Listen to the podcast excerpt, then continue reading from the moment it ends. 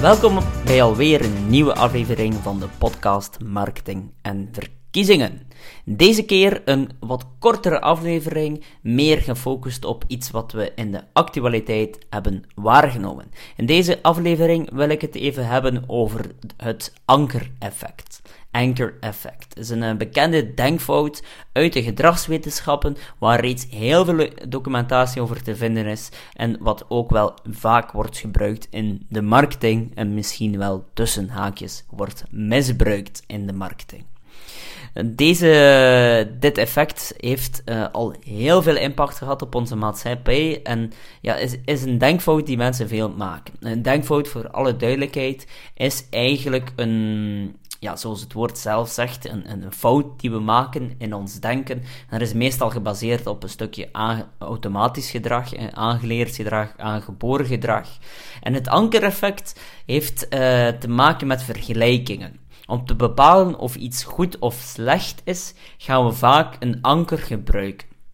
Bijvoorbeeld, het ankereffect treedt heel hard op bij solden. En als we, of als mensen aan het winkelen zijn en ze komen ergens in een, uh, in een uh, kledingzaak terecht en er staat uh, solden, super solden.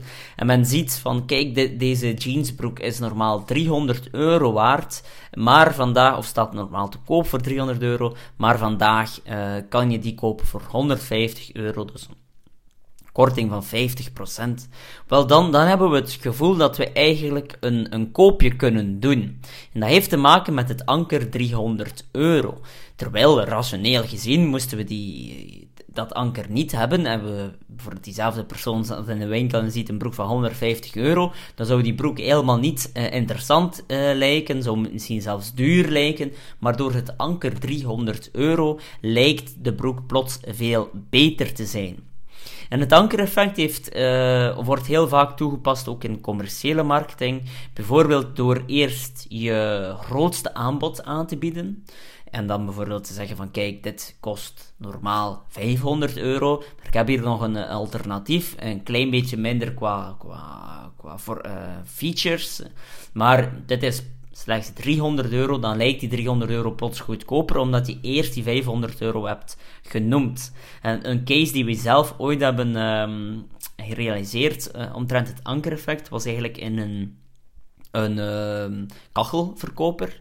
En daar hebben we bijvoorbeeld het interieur uh, een stukje hervormd. Hè. We hebben eigenlijk de, de inrichting van de kachels herschikt, waarbij we de duurste kachel voortaan als eerst hadden gezet. Als mensen binnenkwamen, kregen ze eerst de duurste kachel te zien, met de meeste features, de meeste opties.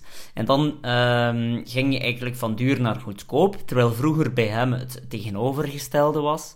En doordat we starten met de duurste kachel, hadden we onmiddellijk een duur anker. En wat hebben we gezien na het experiment? Dan merkten we op dat mensen eigenlijk um, nog altijd evenveel kachels kochten, want je koopt uiteindelijk maar één kachel, maar wel duurdere kachels, omdat het anker dus hoger lag en dus de, de, de, de, omzet eh, van het bedrijf is ook verhoogd daardoor.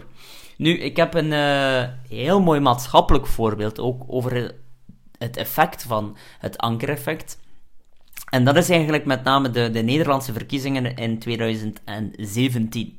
In uh, 2017 koppen alle kranten, vertellen alle opiniemakers hetzelfde. Mark Rutte is de winnaar van de Nederlandse verkiezingen en Geert Bilders is de grote verliezer. In die tijd, toen ik uh, workshops aan het geven was, vroeg ik dan ook aan de mensen van oké, de perceptie is dat Mark Rutte de winnaar is en Geert Wilders de verliezer. Dus als je verliest in politieke marketing, dan heb je waarschijnlijk dus ook zetels verloren. En dan vroeg ik aan de mensen van Geert Wilders, zijn partij, hoeveel zetels hebben zij verloren? En dan was het resultaat van, oeh, nee, hij heeft, hij heeft helemaal geen zetels verloren. Hij heeft net zetels bijgewonnen, met name van 15 naar 20 gegroeid. En bij de Mark Rutte vroeg ik dan van, oké, Mark Rutte is de winnaar, dus hoeveel zetels heeft hij erbij? En dan zeiden, we, zeiden de mensen, nee, Mark Rutte heeft eigenlijk ook uh, redelijk wat zetels verloren. Dus, moraal van het verhaal, de winnaar in zetels werd gezien als de verliezer, en de degene die zetels verloor, werd gezien als de winnaar. Wat rationeel, als je vandaag de cijfers daarvoor, uh, gewoon de cijfers zou bekijken, wat rationeel dus een heel rare verklaring zou zijn, of heel raar, dat het toch iets heel raar is dat de hele wereld zegt Mark Rutte is de winnaar en Geert Wilders de verliezer. Nu, wat is er gebeurd een paar maanden voor deze verkiezingen? Wel, de Brexit vond plaats en Donald Trump werd president van Amerika. Dus ons anker, het anker van alle opiniemakers en alle journalisten, alle kritische denkers, uh, daar was het anker van oké, um, extreme rechts zal de absolute meerderheid halen of de, de grote, absolute grote uh, winnaar zijn, veruit de meeste zetels.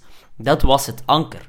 Terwijl, en dat is het frappante aan het anker-effect ook, dat het anker vaak niet iets uh, rechtstreeks te maken moet hebben met de echte vergelijking. De Brexit, een uh, yes or no, Donald Trump, Hillary Clinton versus Donald Trump, dus twee keuzes, kan je niet vergelijken met een parlementaire democratie waar ongeveer 15 partijen meedoen met de verkiezingen zoals Nederland. Desalniettemin, dus alle opiniemakers, alle journalisten, alle kritische denkers maakten toch deze denkfout en overal werd, werd de kop gezet Mark Rutte de winnaar. Dus zo zie je welk invloed het ankereffect heeft in op of op ons denken.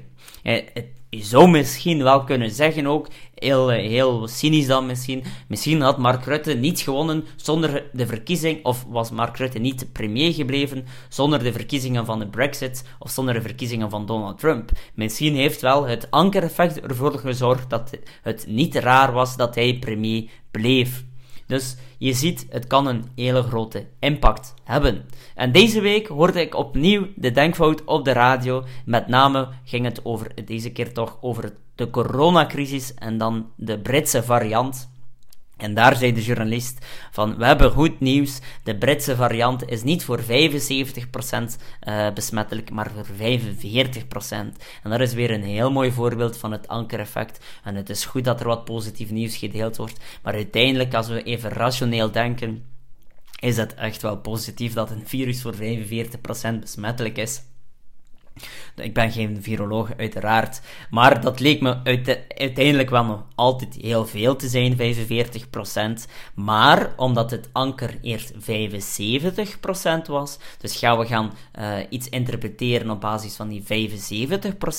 45% is inderdaad veel, veel, veel lager. En daardoor werd het goed nieuws. Terwijl als we die 75% niet hadden gehad, en misschien eerst 35% hadden gehoord, dan ging het plots op de radio slecht nieuws zijn. Dus zo zie je maar, het ankereffect kan uh, een, uh, een nieuwselement uh, plots goed of plots slecht maken. Dus deze podcast, een wat kortere podcast, is eigenlijk eerder om jullie um, een stukje in, in te leiden in de, de denkfouten die we maken.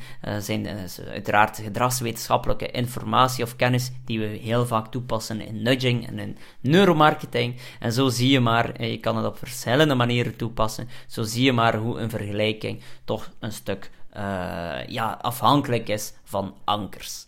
Bij deze, het einde van deze podcast. Hopelijk wat korte en snelle inspiratie voor jullie. Als jullie hier meer informatie over willen, dan aarzel dan mij zeker niet om mij te contacteren. Pieter en ikzelf staan jullie graag te woord, geven jullie graag inspiratie en hopelijk tot de volgende keer. Ciao! Hopelijk vonden jullie deze podcast zeer interessant. En als jullie dit een boeiende podcast vinden, dan mogen jullie altijd een eh, reactie nalaten via jullie podcast-app. Dat uh, geeft enerzijds voor ons altijd een stukje positiviteit. En anderzijds is het ook goed voor onze eigen marketing en het algoritme van de podcast-apps. Dus uh, je doet ons daar een plezier mee als dat niet lukt via de, je eigen podcast-app. Dat is bij verschillende eh, podcast-apps, vooral bij Android zo. Dan uh, doe je ons nog steeds een plezier door gewoon even een uh, review na te laten op Google of op Facebook. Dus uh, een kleine moeite, maar voor ons toch een groot gebaar dat we zeker appreciëren. Tot de volgende podcast. Dag!